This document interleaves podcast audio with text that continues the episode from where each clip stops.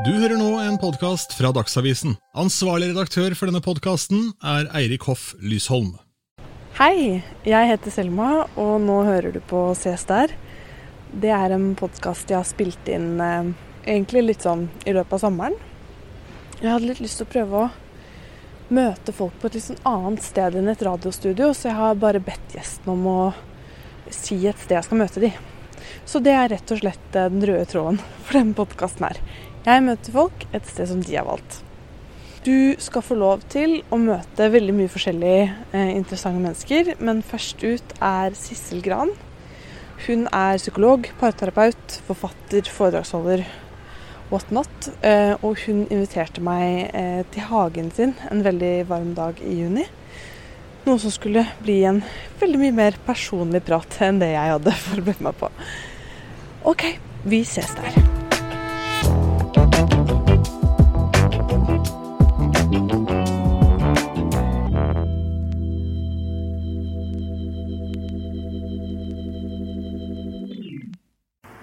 Jeg vet ikke om du liker sånn, men det, det er altså sitrus og bringebær. Jeg syns det er så godt. Så Eller sitron og Det bringebærlimonade. Ja. Kanskje det rett og slett går an. Så. Så skal jeg hente te. Så snill du er. For et vær, altså. Fantastisk. Jeg eh, hadde veldig kjærlighetssorg, og da tok mamma meg med til en bokhandel, og så sa hun 'les denne'. Og det var eh, 'Hekta et håp om kjærlighet', er det den heter? på et håp Mm. om kjærlighet. mm. Så da ga hun meg den boka, og jeg fikk så mange aha-opplevelser, så jeg gleder meg veldig til å møte deg, for du hjalp meg litt ut av eh, den situasjonen, da. Det var veldig godt å høre, faktisk. For det er grusom tilstand.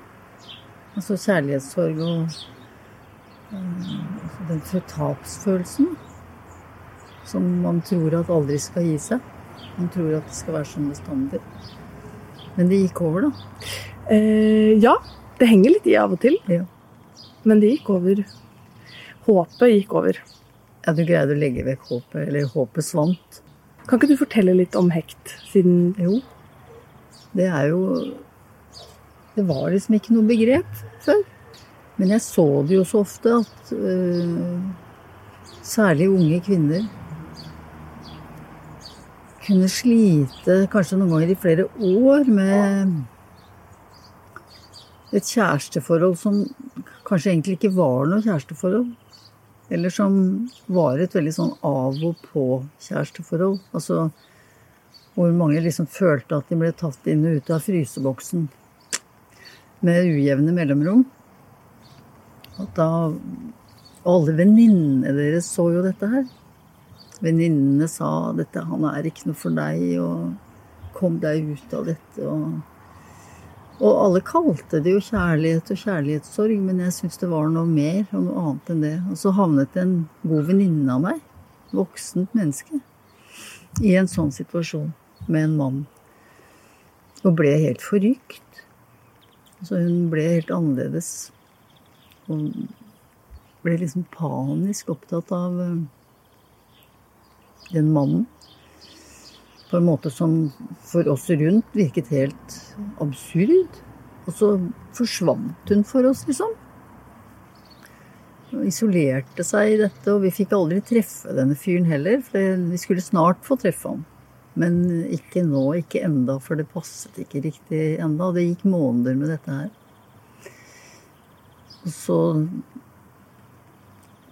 trådte hun liksom frem fra skyggen igjen, sånn uti dette, denne elendigheten, og var så, så Altså var ikke seg selv lenger. Var tynn som en sild og eh, søvnløs og sliten og litt desperat. Så vi begynte å snakke om hva er det som har skjedd med deg. Hva er dette for noe? Jeg hadde jo sett det før mange ganger.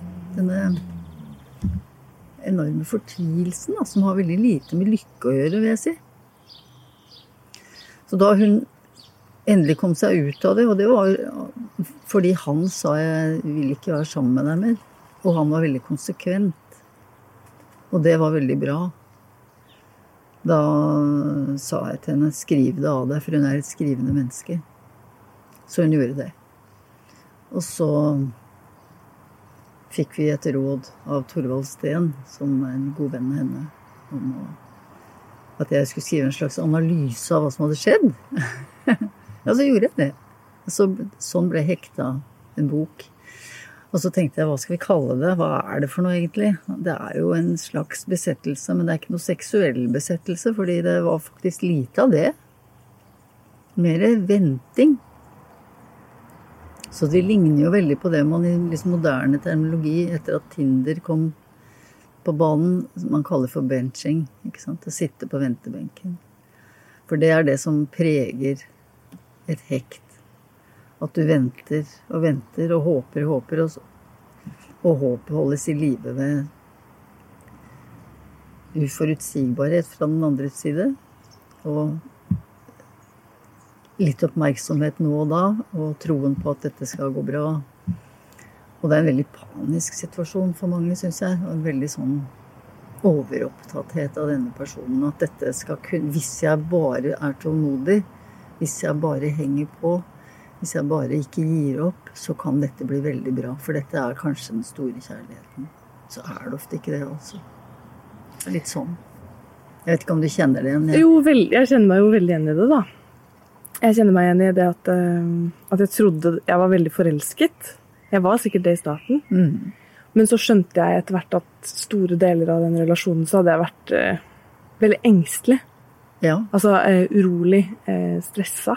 Og at jeg hadde på en måte trodd at jeg var sommerfugler i magen og liksom forelskelsesfølelser. Mm. Hvor det egentlig hadde vært at jeg var under et veldig sånn Det var ikke noe bra Det var ingen gode følelser, da. Egentlig. Det var bare panikk. Ja, jeg syns jo det er det som karakteriserer en sånn tilstand. At det er en sånn veldig ubehagelig uro. Det er veldig frykt. Den er veldig sånn i slekt med frykt. Så det er en slags panikktilstand. Det er jo sånn de har definert det altså at det er en panisk overopptatthet av en annen. En sånn romantisk idé om at hvis jeg bare holder på lenge nok, så får vi en fremtid sammen. Altså romantikk i betydningen å få en fremtid sammen. At det har sterke innslag av en slags avhengighet. Og avhengighet er jo veldig vondt. Altså mm. Og man mister seg selv på en måte i det. Det gjorde du kanskje. Du kjente kanskje det. Ja, veldig. Mm. Mm. Innmari. Mm. Hvorfor har vi mennesker så veldig Hvorfor er liksom den eh, store kjærligheten så viktig for oss? At, at det skal være den ene personen mm. som, som, vi er satt på jorda som er sammen. Ja, det er litt synd det der, for det, det, kunne, det kunne være mange. Men ja, vi har den ideen, da. Og det er en gammel idé. Vi tenker at det er en sånn Hollywood-skapt idé, eller at den ideen oppsto liksom med den romantiske revolusjonen på slutten av 1700-tallet, begynnelsen av 1800-tallet. Men den går tilbake til middelalderen. Går tilbake til 1100-1200-tallet, og kanskje lenger òg. For det var jo virkelig Skal vi si Det var jo trubadurtid, ikke sant? Og det var jo starten på de store kjærlighetshistoriene romantisk. Ordet romantisk kommer jo av har en rot i språket, da. Lingua romana, altså som betyr folkespråket. Altså italiensk og fransk og spansk, og ikke latin. Så romantisk handler om skrive roman, altså romaner som skrives, kjærlighetsromaner som skrives på folkespråket, altså, og derved gjøres tilgjengelig for allmennheten, som jo ikke kunne latin. Da begynte man å skrive ned Tristan og Isolde og den type historier som handler om vill og vanvittig kjærlighet, ikke sant, som trosser alt. Og så. Vi har nok det med oss. Det er mye likt, faktisk, at vi at vi, vi, har en idé om at vi kjenner det når, den, når, vi rammes av den store kjærligheten. Fordi da skjer det noe helt spesielt med oss. Altså vi, da vokser vi. Da blir vi risikovillige, da blir vi lykkelige og alt det der. Men tror du, den er, tror du det er ekte, eller fins? Er det noen mennesker som er skapt til å være sammen? Jeg tror noen har kjempeflaks. Å treffes til rett tid og på rett sted, og jeg tror det er det vi driver og leter etter. Altså, jeg tror det er derfor mange har så veldig mange Tinder-dates, f.eks. For, eksempel, for de tenker at jeg, jeg må bare lete videre inntil jeg treffer den personen jeg kjenner med hele meg at dette er riktig person. Og det kan komme litt i veien for en mulighet til å finne en som kanskje er en veldig bra person for deg. Fordi du har den ideen, da. Mange har den at du må, du må kjenne med en gang. Det gjør man ikke alltid. Noen ganger så kommer liksom kjærligheten etter hvert, da. Ja, vi vil liksom bare ha den som er umiddelbar når vi Mhm. holder på med sånn eh, Ja. rask dating. Mange sier jo det, at um, at uh, kjenne at det er kjemi, eller at det er en gnist, eller Så de gir ofte ikke en sjanse. Selv om det kanskje er en helt ålreit persondannet som kanskje kunne bli noe. Sånn var jo mange store kjærligheter begynt. Så med litt frem og tilbake, og at man har blitt litt kjent med hverandre. Og, eller at man har vært venner på forhånd, og plutselig så skjer det noe merkelig. Liksom, Den andre plutselig blir noe mer for deg enn en bror eller søster, liksom. Nå har vi vært litt inne på Tinder og sånn moderne Mhm. måter å finne kjærligheten på. Eh, Det er jo mange som finner eh, en kjæreste, i hvert fall. da. Sånn nå. Har du, har du noen tanker rundt Tror du det Kan det være ekte selv om man møtes via en app? Selv om Ja. Det er jo bare Altså, det er blitt sånn fordi at det er, det er på en måte blitt et sånn Ja, det er den måten man har begynt å møtes på nå, er det ikke det? Det er jo det, virker sånn på meg. Skal jeg Jo, relatere ja, gjerne. Vil du ha eller, eller vil du ha Jeg tar din favoritt, jeg. Du tar den, da får du den. Jeg er fullvaksinert, så jeg kan ta på ting, jeg, tror jeg. Ja, men så fint. Jeg er frisk. Uten at det er farlig for deg. Ja. Mm, det er fint. Jeg tenker at man må tenke sånn. Ja, nei, det er eh, Det er rart. Ja. Det er veldig rart. Nei, for Jeg har jo faktisk møtt min kjæreste på Tinder, da, men jeg synes det, skulle gjerne hatt en annen historie. Å ja. Altså, for du tenker at eh, Å, jeg skulle ønske at jeg ikke hadde truffet ham der, men på vanlig, liksom? Ja, for de reflekterer liksom ikke helt um... Når jeg sier det, så er jeg så redd for at noen tror at vi, vi bare er sammen for å finne en kjæreste fordi at vi gikk er på Tinder-date. Eller at uh, ja, at det ikke er like spesielt som når man treffer noen på en kafé, og så liksom skjønner man at ja, Skjønner du den ideen om at man skal bare liksom snuble i hverandre? Da? At det ikke skal være den intensjonen om at nå har jeg lyst på en kjæreste? Men tror du det kan henge sammen med at vi er veldig romantiske fortsatt? Da? At vi tenker at det må ikke være noe kalkulert i det. Det må bare hende. Det må ikke være noe, noe som jeg har planlagt. Det må bare To sjeler må bare møtes, liksom. Ja, jeg tror det. Mm. Det er jo veldig fjollete når du sier det sånn. Nei, det er ikke det. Fordi det er, det er jo sånn det er skrevet om det i hundrevis av år, ikke sant? Et sjelevennmøte. Ja. Men det er kanskje noen prakt... Det er vel mange praktiske sider ved å skulle være sammen med noen lenge òg? ja, guri meg, det er jo veldig det, vet du. Det har du vel merket? Mm. Det, det er aldri bare gøy. Det er jo ting et par skal gjennom. Det er fantastisk ofte i starten, da. Eller da er man jo Jeg vet ikke hvordan det har vært for deg, men det er jo da viser man ofte solsiden. Eller er veldig hyggelig, da. Og så irriterer man seg ikke så mye over den andre. Man godtar veldig mye ved den andre, ikke sant. Og tenker at eh, ja, og, og så tror jeg man tenker Men jeg kan forandre meg. Jeg kan bli ny, jeg nå. Jeg kan like å gå på topptur og sove i snøhul, ja. For det gjør han, liksom. Selv om du vet at du ikke gjør det, da.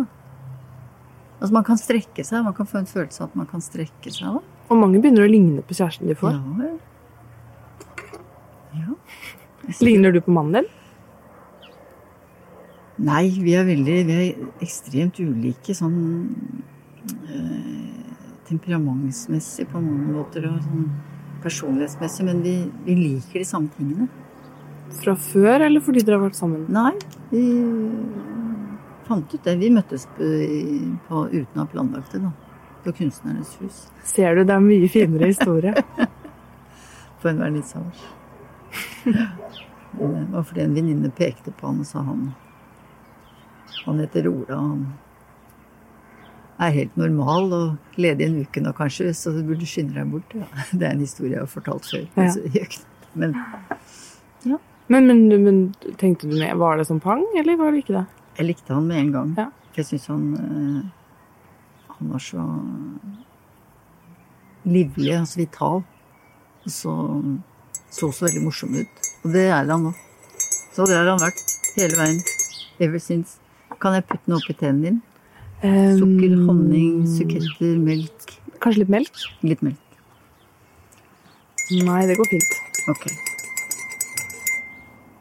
Sånn. Mm. Ok, jeg må tenke på hvor vi var hen. Mm. Mm.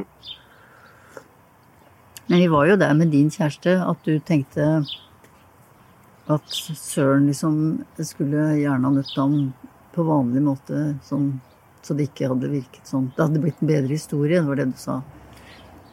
Ja, at når, jeg, når noen spør meg hvordan vi møttes, Ja. så føles det litt uh, Ja, jeg skulle gjerne hatt en annen historie, for, fordi det er så mange ting Eller sånn som når jeg møtte ham første gangen, da. Ja. På denne Tinder-daten, så Ja. følte jeg meg veldig trygg med en gang. Det var en sånn veldig Jeg visste ikke om jeg likte han ennå, men jeg kjente bare sånn Her er jeg veldig Dette går veldig bra. Og det Ja, så, men betyr det at du kjente at du kunne slappe litt av sammen med han? At du ikke behøvde forstille deg? Ja. At du liksom ikke ble satt Du satt ikke på nåler, du var ikke stresset, liksom? Det er sjelden på date. Det er veldig sjeldent, så det må jo ha vært et eller annet veldig fint der. Ja, det gjorde veldig inntrykk på meg. Mm. Hadde han det på samme måte, da, eller? Det vet du kanskje ikke. Han snakker ikke like mye om sånne ting som nei, meg. nei, nei. Det gjør jo ofte ikke det. Så jeg har prøvd å spørre han da, hva tenkte du og sånn. Mm. Han sa vel at det var hyggelig. Ja, han har ikke samme mm. Det var han som sendte meg en melding og sa at det hadde vært hyggelig. At han ville treffe meg. Ja, ok, så han, var, han, eh, han lente seg frem, altså? Mm, han gjorde det. Ja, Og jeg hadde blitt så mye såret, så jeg hadde egentlig ikke tenkt å gjøre det. Jeg hadde tenkt å vente og se om han Hadde du hatt mange dårlige erfaringer? Ja, eller den ene, i hvert fall. Han Ja, det, som jeg var, var så hekta på. var det også en sånn Tinder-date Ja. hvor du havna på ventebenken, da? Ventebenken, ja. Ja, eller Ja. Vi var i et forhold, men, Ja. eh, men det var mye um, opp og ned. Ja. Altså Ja, hva skal man si? Det var mange bølgedaler. ja. Jeg skjønte aldri helt om man ville eller ikke, da. Det var mye fram og tilbake på om man ville egentlig. Mm. Mm. Nei, da havner man på ventebenken. Mm. Da håper man på at uh... Og bare jeg gjør et eller annet magisk nå Ja. Hvis jeg får Sånn som når han sist eh, var hadde lyst og tenkte at det var riktig. Ja. Så man blir veldig Man tenker at det er seg selv det handler om. Ja, du tenker at du gjør noe feil, vet du. At du, hvis du bare gjør noe annet, eller du skulle ikke sagt det, eller jeg burde ikke gjort sånn. Mm. Hvis jeg bare gjør sånn eller slik, eller bare Sånn at man blir veldig Hva skal vi si? Man blir veldig overtilpasset Veldig. i et sånt hekt. Og leser Altså man blir også veldig overfortolkende overfor den andre. Og tolker alle signaler hele tiden og blir veldig påpasselig. Og veldig nervøs, selvfølgelig. I etterkant av det så blir det viktig å, på en måte mm, passe på at man eh, har, har liksom grenser. Å ja. At man eh, Ja. Ja, for det har ikke man bare- ikke i en sånn situasjon. Fordi da du liksom bygger ned dine egne grenser helt, fordi, og du er hele tiden fryktelig var for hva den andre vil, og den andre ikke vil. Mm. Sånn at du, blir, du flyter nesten ut.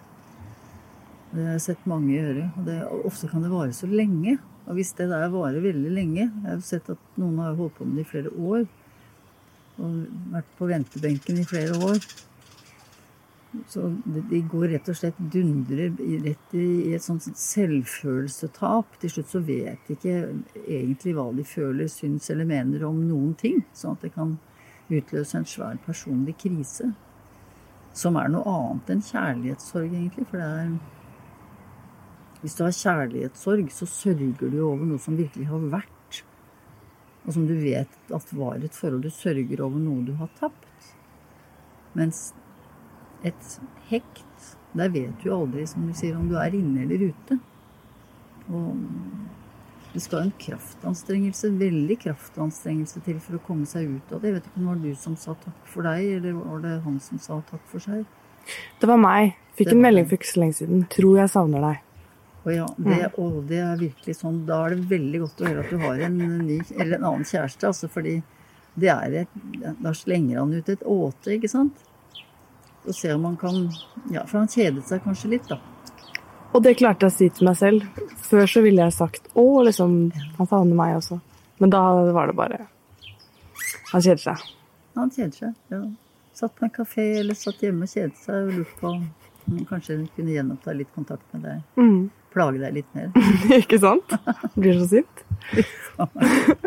Det var godt du innså at dette ikke var At du ikke skulle bite på den kroken, da. Mm. Jeg eh, har sett eh, Mange steder så dukker det opp sånne råd, ikke sant? forholdsråd. Og et som jeg har sett mange ganger fra min generasjon, er at man skal ha sånn derre ukentlig check-ins med kjæresten sin om hvordan går det egentlig nå, er det noe du vil ta opp og sånn. Så tenkte jeg, er det virkelig et, eh, er det et godt råd? Jeg, måtte, jeg må spørre deg om det. Jeg tror veldig mange unge menn og voksne og eldre menn blir sprø av det. Det tenkte jeg også på. Fordi da, Og de kan bli redde av det. Eh, Noen menn syns det er helt ålreit, de syns det er kjempegøy. Men jeg tror det er eh, at de er i mindretall, da. For det mange menn vil jo da hele tiden tenke Hva, Er det noe gærent med meg? Altså, er det noe er- Sjekker hun ut dette fordi vi Har vi det dårlig, egentlig? Altså eh, Må liksom bilen på verkstedet igjen, altså? Eller eh, må vi lytte etter skrapelyder hele tida. Mange menn syns det er kjempeprovoserende. Men man kan snakke om det. Man kan snakke om forskjellen på Fordi du vil kanskje spørre da sånn bare fordi du tenker at det Ja, bare er ta temperaturen litt, liksom. Helt ufarlig.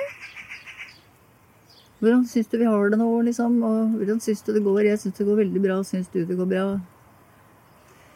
Må spørre på en ufarlig måte, da, kanskje. Jeg vet ikke. Hva tenker du?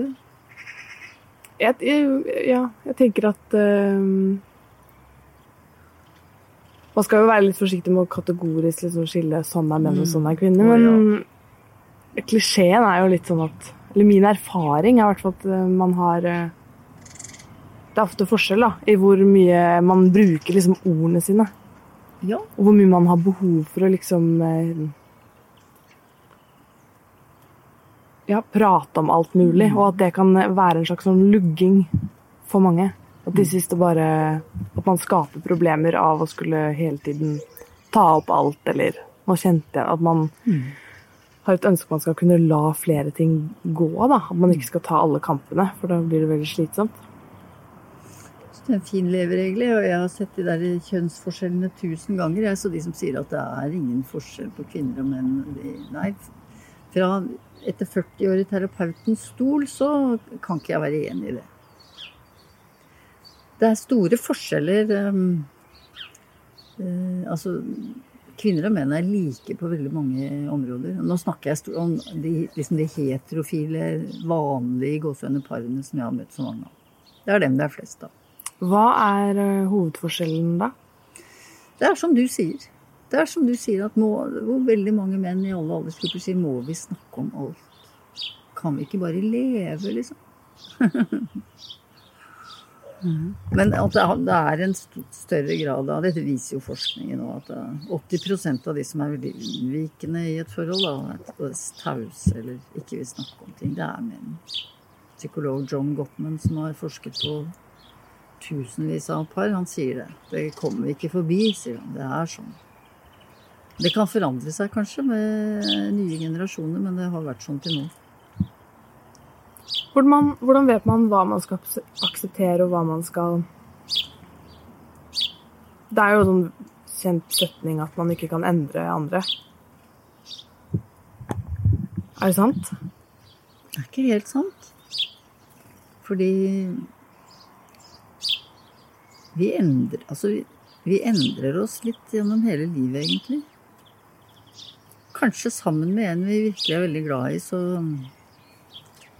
kan vi bli mindre av noe og mer av noe annet.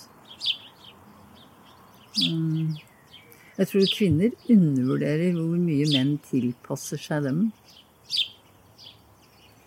For veldig mange kvinner er fryktelig opptatt av å bli forstått av kjæresten sin, av mannen sin. Um, men det er kanskje også like viktig å forsøke å forstå han. Hvorfor vil ikke han snakke om ting hele tiden? Hva skjer i han hvis ting blir tatt opp hele tiden? Hvorfor reagerer han med ubehag hvis vi skal snakke om det som er vanskelig, eller kanskje kan bli vanskelig? Er det hensynsløshet og stahet og sånn maskulint tull og dillal som gjør at han ikke vil det, eller har han gode grunner? Ofte har, Det har jeg sett tusen ganger, at menn kan ha veldig gode grunner. Som hva da? At de har dårlig erfaring med å snakke om vanskelige ting. Kanskje med forrige kjæreste eller en ekskone eller noe sånt, eller hjemmefra, hvor ingen snakket om vanskelige ting. Man har ikke det i verktøykassa hvordan man skal snakke om vanskelige ting. Og hvis vanskelige ting kommer opp, så er det fordi det ting er i ferd med å gå i stykker, da kanskje. At det er farlig. Mm. Det er, altså, sånn har jeg hatt det med min mann i alle år. Altså, hvis jeg skal ta opp ting hele tiden, så blir han gal.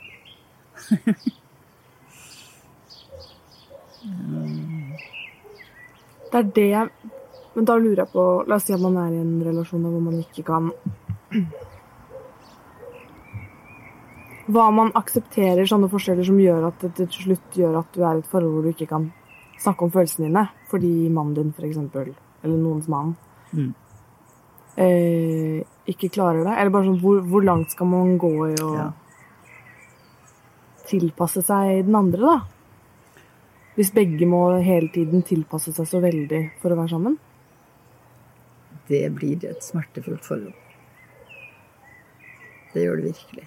Hvis du ikke kan snakke om det som ligger deg på hjertet, og med den du lever sammen med. Hvis du alltid må skjule følelsene dine, eller gå der med dem alene. Hvis du aldri blir Hvis han, da, eller hun, aldri spør deg hvordan er det med deg egentlig? Jeg syns du ser litt tufs ut. Er det noe gærent? Hvis den andre aldri stiller liksom det spørsmålet, eller virkelig ser deg, eller er oppmerksom på det, så vil den Det vil prege forholdet negativt. For det å ikke være oppmerksom på den andre i verden, det ødelegger jo forhold. Det er jo en av grunnene til at mange går. De orker ikke å ha det sånn. Det er unger i den fuglekassa der. Å ja. Hvis du tar med deg mikken bort, så vil du høre de sitter og de ligger og piper noe voldsomt. Oppi. Nei, så hyggelig. Ja da. Jeg følte at bare at jeg fikk en hel due i hodet. Nei, den er et pilfinkpar som driver og farer etter insekter, for de fôrer de små oppi kassa der. Ah, ja, okay. ja.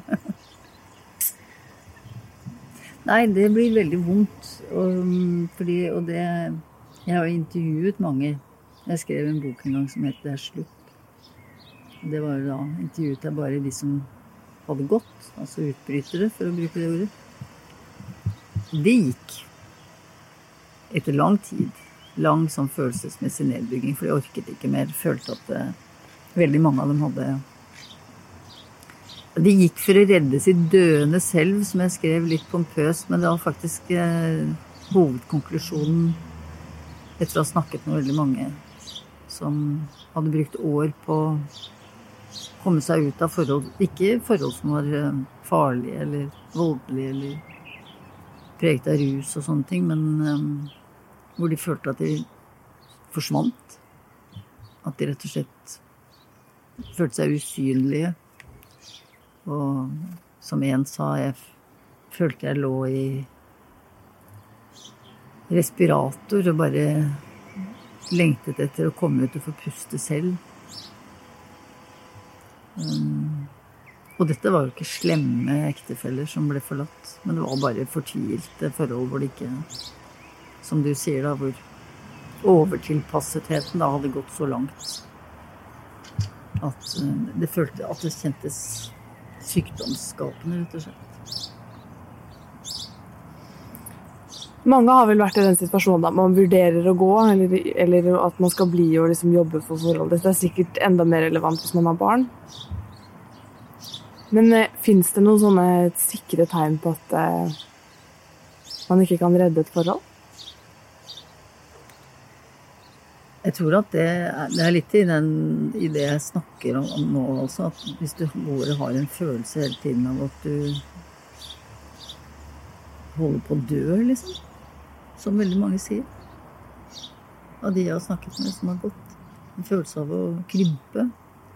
En følelse av aldri liksom få være seg selv. En følelse av å bli en annen person enn den man vil være. En sånn følelse av å ja Hva skal vi si Altså bli borte, da. Eller kanskje bli et menneske som man ikke liker lenger. Nå er jeg blitt som en kvinne, så er jeg blitt en kjeftesmelle. Jeg ser og hører bare det negative. Jeg er blitt en hurpe. Eh, jeg vil ikke være sånn orker ikke å Eller som andre sier, da, menn også sier at jeg mm, er som jeg ikke fins lenger. Jeg lever i ufrivillig sølibat. Jeg er blitt en munk. Jeg orker ikke mer. Jeg holder på å dø. Altså sånne ting. Um, Må det være så ille før man går? For veldig mange som jeg sier, jeg syns de holder ut veldig lenge, altså. Så ideen om at folk går fra hverandre så lett det er ikke min erfaring. Jeg syns folk sliter veldig. Og litt sånn som du beskrev i starten, at håpet holder liv i veldig mange forhold. For man håper at det skal bli bra igjen. Ofte er det jo noen glimt av håp innimellom. Hvor det er bra, og man får litt troen på det hele igjen. Og så er barna små, og man tenker at jeg kan jo ikke gå fra, jeg kan jo ikke bryte opp dette samlivet. Ungene er fem og sju eller to og fire år. Jeg kan jo ikke det. Jeg må jo være her. Må iallfall være her, som flere har sagt til meg, må være iallfall til de er konfirmert. da. Og det er liksom sånn ti år fram i tid, ikke sant. Mm. Det var noen mm. foreldre til vennene mine som skilte seg når de flytta hjemmefra. Ja. Liksom i... når, når barn, da barna flyttet, ja. Ja, og så så man det fra utsiden. At å ja, nå skilte de seg. Så tenker man oi, er det, har de ikke hatt det fint, liksom? Mm. Har de bare venta på at ungene skulle mm. flytte ut? Noen gjør det. De venter til det, tenker at det er bedre, men det er ikke alltid bedre, det. Er det noen ganger bedre? Ja, jeg tror kanskje det, fordi ingen barn vil at foreldrene skal skilles. Altså, de vil at, være sammen med mor og far. De, og de ser ikke alltid For det tenker vi at barn værer alt, og barn skjønner alt. Nei, de gjør ikke det. Ikke alltid. Ikke hvis det er et sånn rimelig vennskapelig forhold. Så tenker ikke barn at å, dette kommer til å gå galt, for de er ikke kjærester lenger. De er bare mor og far. Sånn tenker ikke barn. De tenker at det er foreldrene, og det er mamma og pappa, og det er oss. Det er mange skilsmissebarn som Man snakker med dem i ettertid når de er blitt ja, over tenåringsalderen. At det var som om familien deres døde da foreldrene skilte seg. At det var forferdelig. Min skilte seg da jeg var to, så jeg ja. Min virkelighet har alltid vært at de ikke er kjærester. Ja. At det, det er kanskje bedre enn om du hadde vært 15 eh, eller 13. Ja, kanskje. Det er ikke lett å si. Nei. Noen mener jo også kanskje at man blir påvirket av det likevel. At man oppfatter ting man ikke tror noe. Jo, iallfall hvis det er sånn at foreldre ikke snakker sammen. Altså at du farter mellom kanskje mamma og pappa som ikke snakker med hverandre. Altså hvor du får to ulike verdener du må forholde deg til, hvor det liksom er vanntette skott imellom. Det, jo, det, skjer jo ofte, og det er jo ikke noe bra for barnet i det hele tatt. Nei. Så når foreldre oppfører seg sånn etter et brudd, så er jo det det verste man kan gjøre overfor barna. Ja. Jeg slapp heldigvis det. For meg har skilsmisse alltid vært så normalisert. Fordi alle på, alle på skolen, alle barna på skolen hadde skilt foreldre. Det var liksom så vanlig. ja. Det var nesten rart at Ja. noen hadde gifte foreldre. Ja. ja, det er interessant. Nei, det er klart at Da slipper man unna den der å være et skilsmissebarn, være helt spesiell. Og slipper man både skammen og, og utstøtelsen og alt, for da er man liksom en av gjengen. Vet man hvorfor folk skiller seg mer?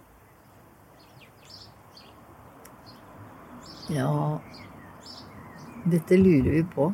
Dette får jeg virkelig håpe at eh, samfunnsforskerne driver og jobber veldig med. Altså at vi kan få noen tykkere beskrivelser enn de vi får fra Statistisk sentralbyrå, for der får vi jo stort sett bare eh, Der får vi ikke kausalitet. Altså vi får, ikke, vi får bare vite sammenhenger, men vi får ikke vite hvorfor ting skjer. For det tar de ikke sjansen på. Men hvorfor det skjer, det lurer jeg også på. Altså Jeg, jeg vet ikke. Altså det er det er, det er mangeltilstand som gjør at vi, at vi går fra hverandre. Altså at du føler at noe ikke mangler. Og da er vi litt inne på begjæret. Altså for mangeltilstand er begjærets sanne mor. Altså hvis du føler at her er det ikke mer å hente. Vi har ikke noe ålreit sex. Det ikke noe hyggelig engang. Fortjener ikke jeg noe annet da? Altså, Hva er begjær, egentlig? det er en drift. Vi kan begjære mye, ikke bare andre mennesker, men vi kan begjære ting. Vi kan begjære et annet liv. Vi kan begjære ja, det andre begjærer, ofte. Er det lengsel etter noe vi ikke har, eller er det Ofte er det det. Lengselen etter noe andre har som ikke vi har. F.eks. lykke, da. Eller mer sex, eller bedre bolig, eller um, Men det er jo noe bra med begjæret òg, vet du. For uten begjæret hadde vi ikke sittet her, for da hadde vi vært utdødd smart. Åssen da? Ja, ikke sant? Fordi hvis ikke vi hadde begjært noe eller noen, så hadde vi jo dovnet hen. Så det å begjære, det, og liksom å ville noe ordentlig, ville noe intenst Hva er det farligere å begjære, da? At det kan ta deg til steder du ikke Noe i deg vet at ikke du skal gå. Har du et eksempel på det? Ja. Jeg har skrevet en bok om det, vet du, som heter 'Men størst av alt er begjæret'. Det er jo et lite pek da, til Paulus. Størst av alt er kjærligheten. Ja. det Størst blant dem er kjærligheten, som det står i Bibelen. Å ja. For det er ikke alltid sånn at uh,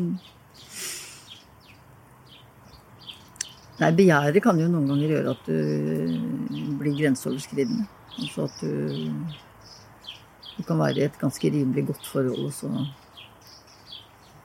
treffer du dessverre gamlekjæresten på fest, eller en veldig attraktiv person som syns at du er veldig attraktiv, og så kan begjæret virkelig slå til i deg, altså på en sånn måte at du blir med på ting du tenkte at det skulle du aldri gjøre. Det er derfor mange sier 'jeg skjønner ikke hva som gikk av meg'. Og hvordan kunne jeg gjøre det, altså? Jeg som har en helt ålreit kjæreste. For det blir jo dommedag i heimen når du kommer hjem og skal fortelle det der. Hvis du forteller det. Burde man fortelle om utroskap? Ikke alltid. Det vil jeg si. Er det sant? For altså, da må du ta sjansen, da du tar sjansen, da må du ta sjansen på at eh, da går du inn i det uforutsigbare, fordi kjæresten vil sjelden tolerere det.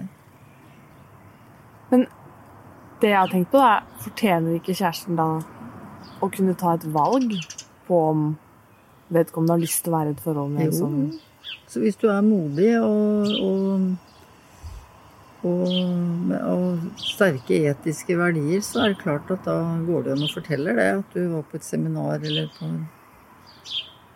Eller du var på fest med venner, og der var det en person som du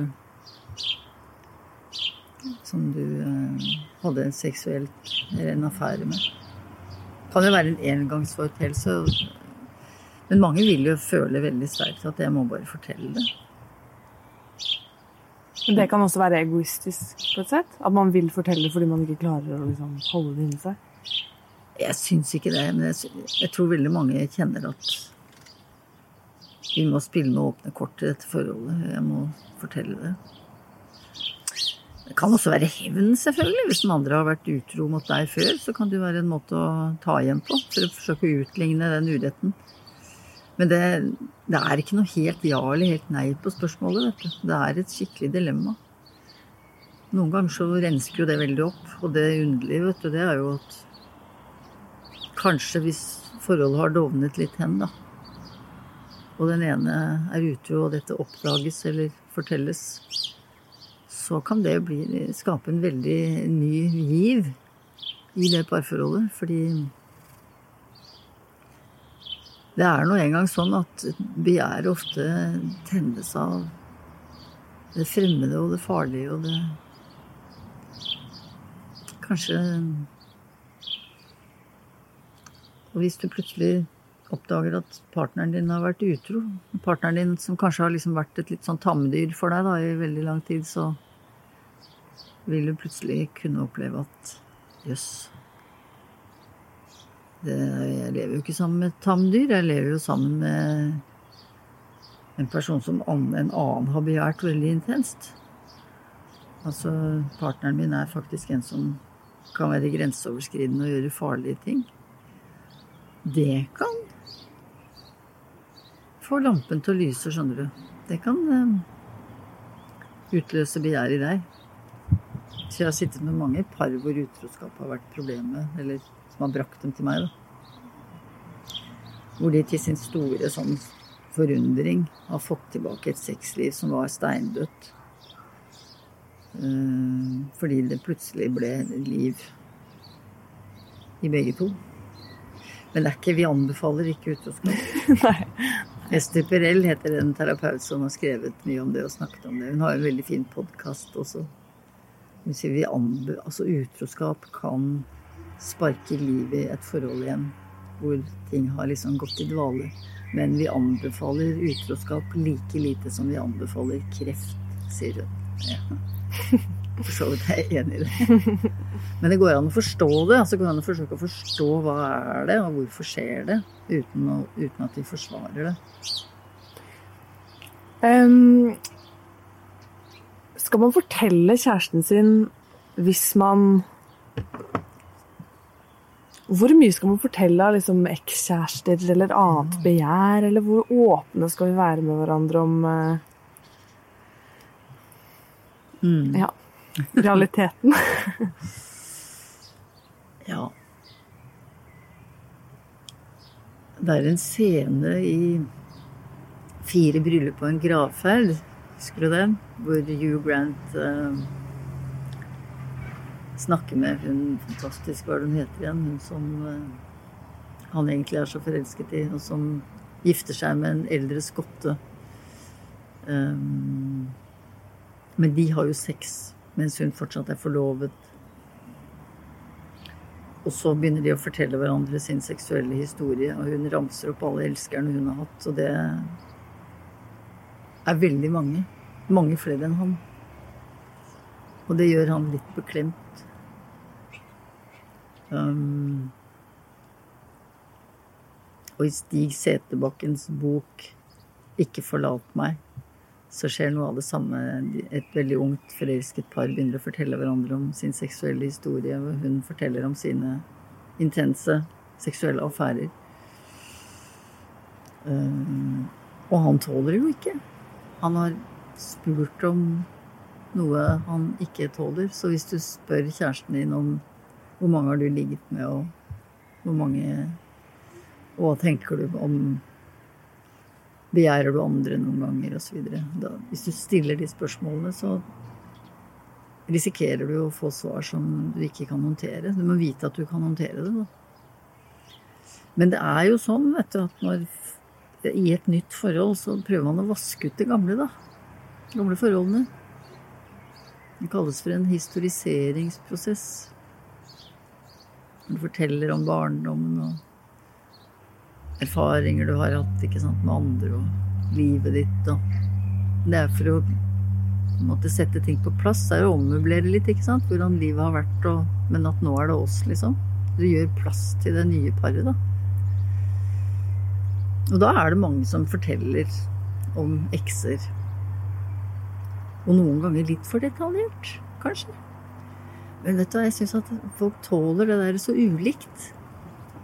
Noen tåler det veldig godt og kan le av det sammen. og liksom føle seg litt modig sammen og ha det gøy med det. Og sånn. Og er nysgjerrig på ekte, kanskje. Ja, nysgjerrig på ekte. Fordi da får du vite noe om den andres begjær og seksuelle historie og hvem er du og sånn.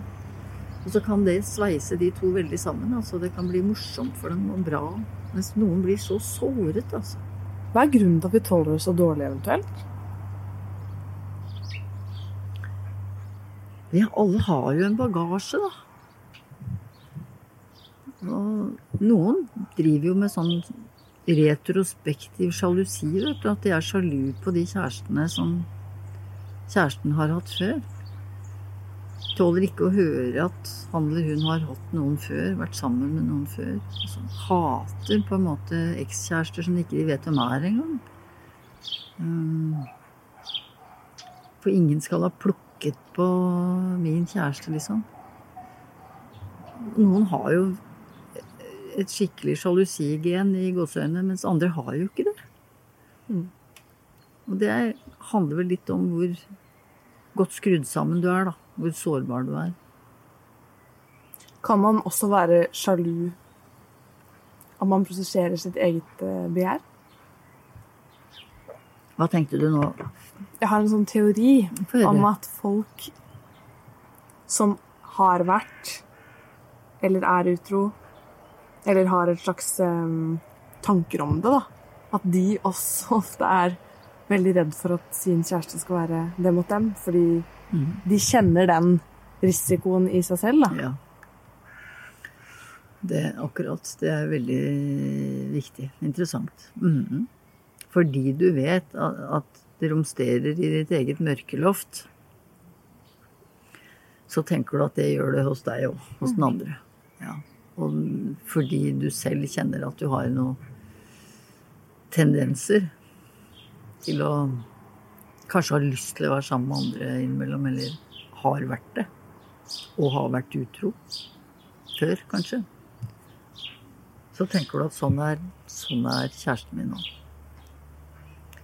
Så, Jeg, jeg har skjønt det, da, at folk kan også bli sinte på deg for ting de egentlig har gjort selv. ja. Ja, ja, ja. Det er jo det vi kaller en projeksjon, det. At um, det, vet du, at parforhold er komplisert. Seksualitet er komplisert. Begjær er komplisert. Mm, og det er vanskelig, tenker jeg, for oss mennesker å skjønne hvor sammensatte og rare vi er, og på en måte tolerere det.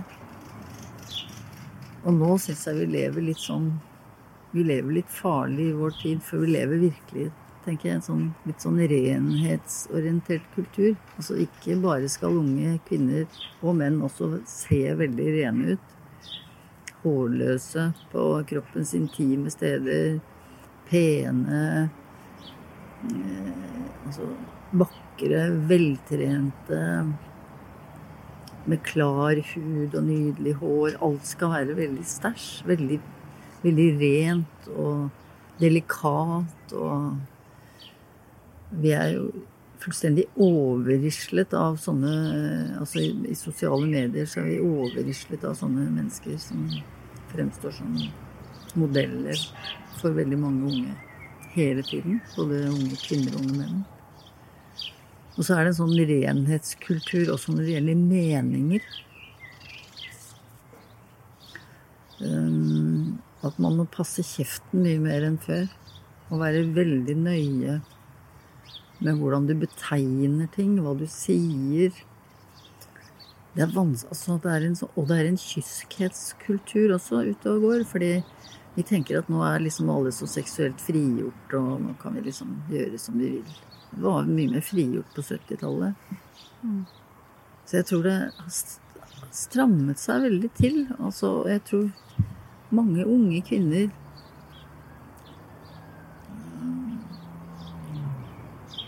strever veldig med det der med å fremstå som delikate og rene og attraktive nok for andre.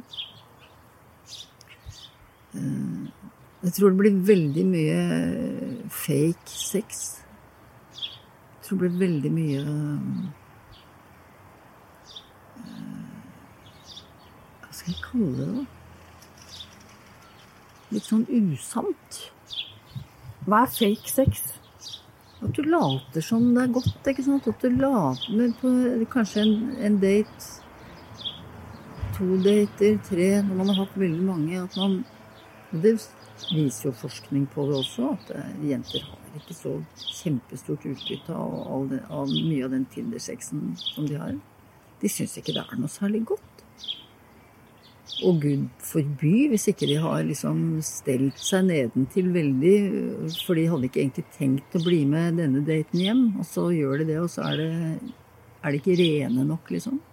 Det er komplisert. Det var ikke sånn før. Som. Så gynekologene er jo fortvilte nå, for de ser jo aldri en eh, busk lenger, ikke sant. Tenk på det. Ja, tenk på det. Alle er helt skrapet. Vi må begynne å runde litt av, men Det var kanskje ikke akkurat dette du ville snakke om. jo. jo, veldig fint at du kommer innom barbering også. Mm. Ja, for det bekymrer meg at det, at det er så Strigla, liksom. Ting skal være så veldig ja. Ja, det er ordet. Ja. Det bekymrer meg. Jeg tror man må på en måte Jeg føler nok ikke at liksom autentisitet og sånn kommer av seg sjøl, eller sånn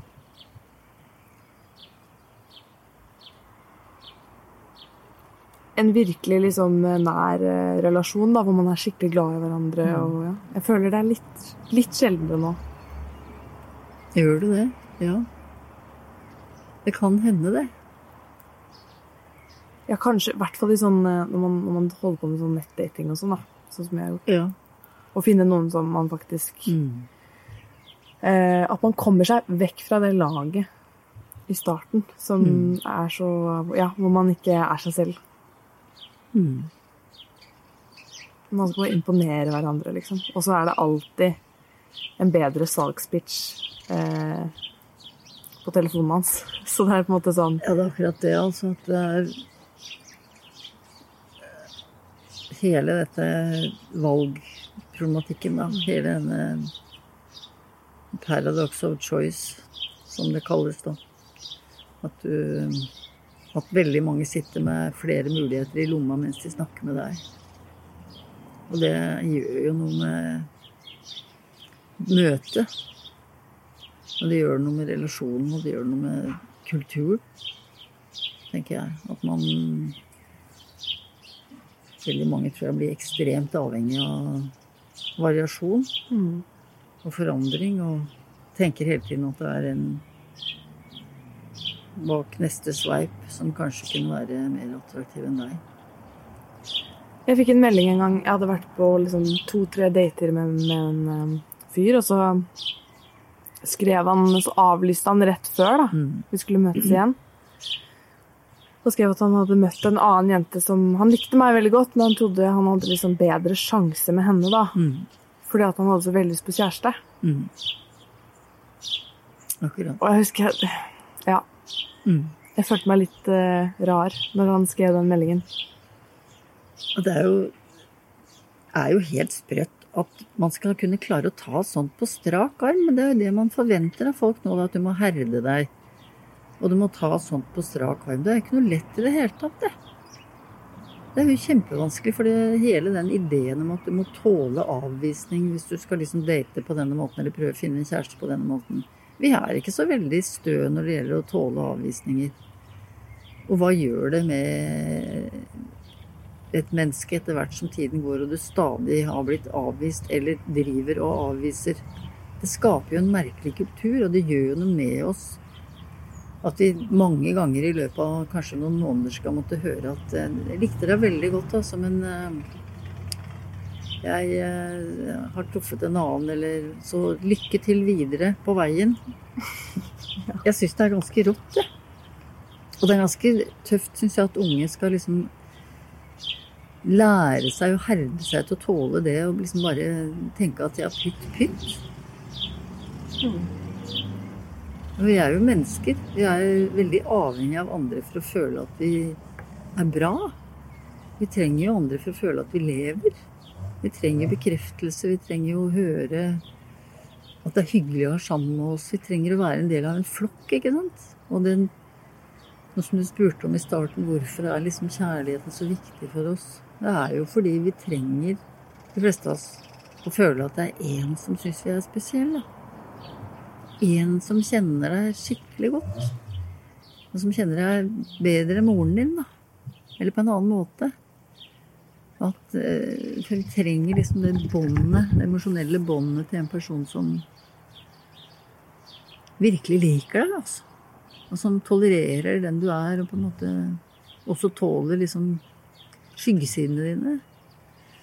Og jeg tror veldig mange blir reddere og reddere for det der. Og at de tror, jeg tror flere og flere tenker at en sånn person går det ikke an å finne. For, og så finner de på en måte tilknytningspunktet sitt i, i vennskap i stedet. Fordi det er mindre risikabelt. Det skjønner jeg veldig godt, faktisk. Mm. At man flytter på en måte tilknytningsbehovet sitt over på, på venner og venninner, i stedet for å fortsette å lete etter en kjæreste som man eh, ikke etter hvert har tro på at man kommer til å finne. Mm. Og det er nok derfor også veldig mange etablerer seg mye senere enn det folk gjorde før. De leter og leter. Jeg vet ikke hva du tenker om det, for du er jo midt oppi det. Du, jeg er jo i en helt annen livsfase, ikke sant? Ja. Hva jeg tenker om hva da? At det er flere som leter, at det tar lang tid før folk etablerer seg fordi de holder på så lenge med å Ja. både lete og sondere terreng og Og så er det så mye annet de skal gjøre før de liksom etablerer seg. Ja. Jeg, jeg føler jo at liksom um, Jeg blir 25 snart. Ja. Det kom veldig fort.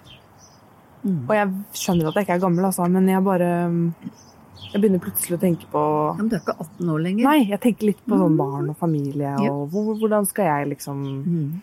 fest, an, feste ankeret, eller ja. Ja. Um, det syns jeg er litt uh, Nå har jeg jo møtt noen som jeg er sammen med, Mm. som jeg kan se Men det er første gang det har skjedd, da. Mm. At jeg har tenkt det. At han kunne tenke deg å kanskje rett og slett eh, være sammen med lenge. Ja, han kunne jeg i teorien fått barn med. Ja. For han syns jeg er så Mm. godt menneske, og Mm. jeg har det så fint med han. At det kan jeg på en måte se for meg i en fjern Mm. framtid, da. Ja, ja, ja. Mm. Mm, men hvis jeg hadde vært singel nå, for eksempel, så tror jeg at jeg hadde Jeg hadde helt sikkert fortsatt vært på Tinder. Mm. Og da man blir litt motløs av det. Mm. Og det er veldig vanskelig å møte andre, andre steder. Fordi eh, det er liksom blitt den måten folk på min alder dater på. Mm. Så eh, hvis du møter noen andre, så er Ja, du vet ikke om de Det er liksom ikke det samme rommet eller åpenheten for å møte noen andre Mm. steder, da. Mm. Bortsett fra på byen, men da er det gjerne for litt andre ting enn eh, langvarig kjærlighet. Mm. det, jeg, da. Men du var jo modig, da, som ikke ga opp etter den erfaringen du hadde. Mm. Hva gjorde at du var så modig at du prøvde igjen, da?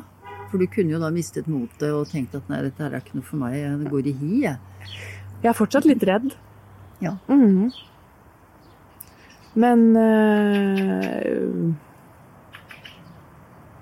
Det var vel egentlig Jeg tror jeg bare har tenkt og følt veldig mye på det som skjedde. Mm.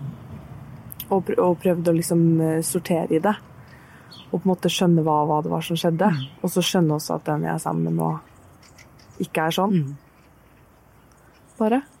Men ja, det er jo ofte sånn hvis du møter noen som du tror er annerledes, da, enn de viser seg å være. Mm. så gjør jo det noe også med tilliten din til andre mennesker. Mm. Å ja, men jeg var jo så glad i deg, jeg var overbevist om at du var glad i meg, men så kunne du være så slem. Mm. At man har tatt feil, da. Ja, så man beskytter seg. Ja. Så jeg gikk noen, noen flere runder enn jeg vanligvis ville gått, da. Mm. Eh, og har nok vært veldig sånn eh, Er du sikker på at du liker meg? Ja, Hatt veldig behov for eh, å høre det. det skjønner jeg veldig godt. Fordi det er så vondt å bli så såret, ikke sant. Det, Ja, jeg vil liksom være mentalt forberedt hvis Ja. du skulle bestemme deg for å ikke like meg så godt likevel. Mm. men han kan du rett og slett stole på. Du kjenner at du kan stole på ham. Ja, ja. Mm. Ja, gratulerer med Jo, dette. takk, takk. det synes jeg. Ja. Ja, At det er faktisk mulig, ikke sant? Det er mulig. Men jeg skal jo ikke forhøre deg om hvordan plukket du ut han, og hvordan traff du han, men Blir du nysgjerrig? Ja, fordi det, noe må jo men, men når du beskriver det første møtet med han, da hvor du sitter der og er ikke stresset Du kjenner at du kan senke skuldrene, du kan ta det med ro sammen med han. Det er jo et tegn. Det finnes ikke fasade ved han, da. Nei. Det gjør ikke det. Og det var veldig Mm. betryggende for meg.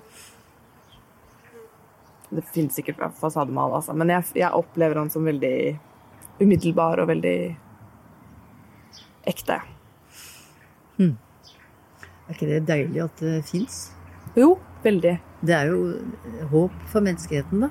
Og da er man ikke? Ja, veldig. Og så vet man Man er ikke garantert at man aldri, at aldri skjærer seg, eller sånn, men, men man, man vet at han Jeg tror han ville sagt det til meg hvis han ikke likte meg lenger. Mm. Det har vært betryggende. Jeg håper at han sier det lenge før det. At han sier at vi må justere kursen ørlite grann her. Ja. Eller jeg håper at han ikke venter til liksom At han har eh, sluttet å Ja. være begeistret for deg. Altså. Ja. Men jeg overlever det òg. Det er fint med å gå gjennom en sånn kjærlighetssorg hvor det Mm. føles som du Mm. faktisk skal dø. At det gjorde Ja. du ikke. Mm. Mm. Akkurat. For det er en veldig viktig erfaring. Du overlevde. For plutselig en dag så kjente du at nei, jeg, nå har jeg ikke tenkt på han på et kvarter, jeg. Ja. det er akkurat sånn det føltes. Og da er man på vei ut. ja. Ja. Du, tusen takk for både te og veldig mange gode råd. Og nesten eh, miniterapitime. Beklager det. Tusen takk for at du kom. Det var veldig hyggelig å snakke med deg. Jeg må gå og se fuglekassa. Ja, du må det.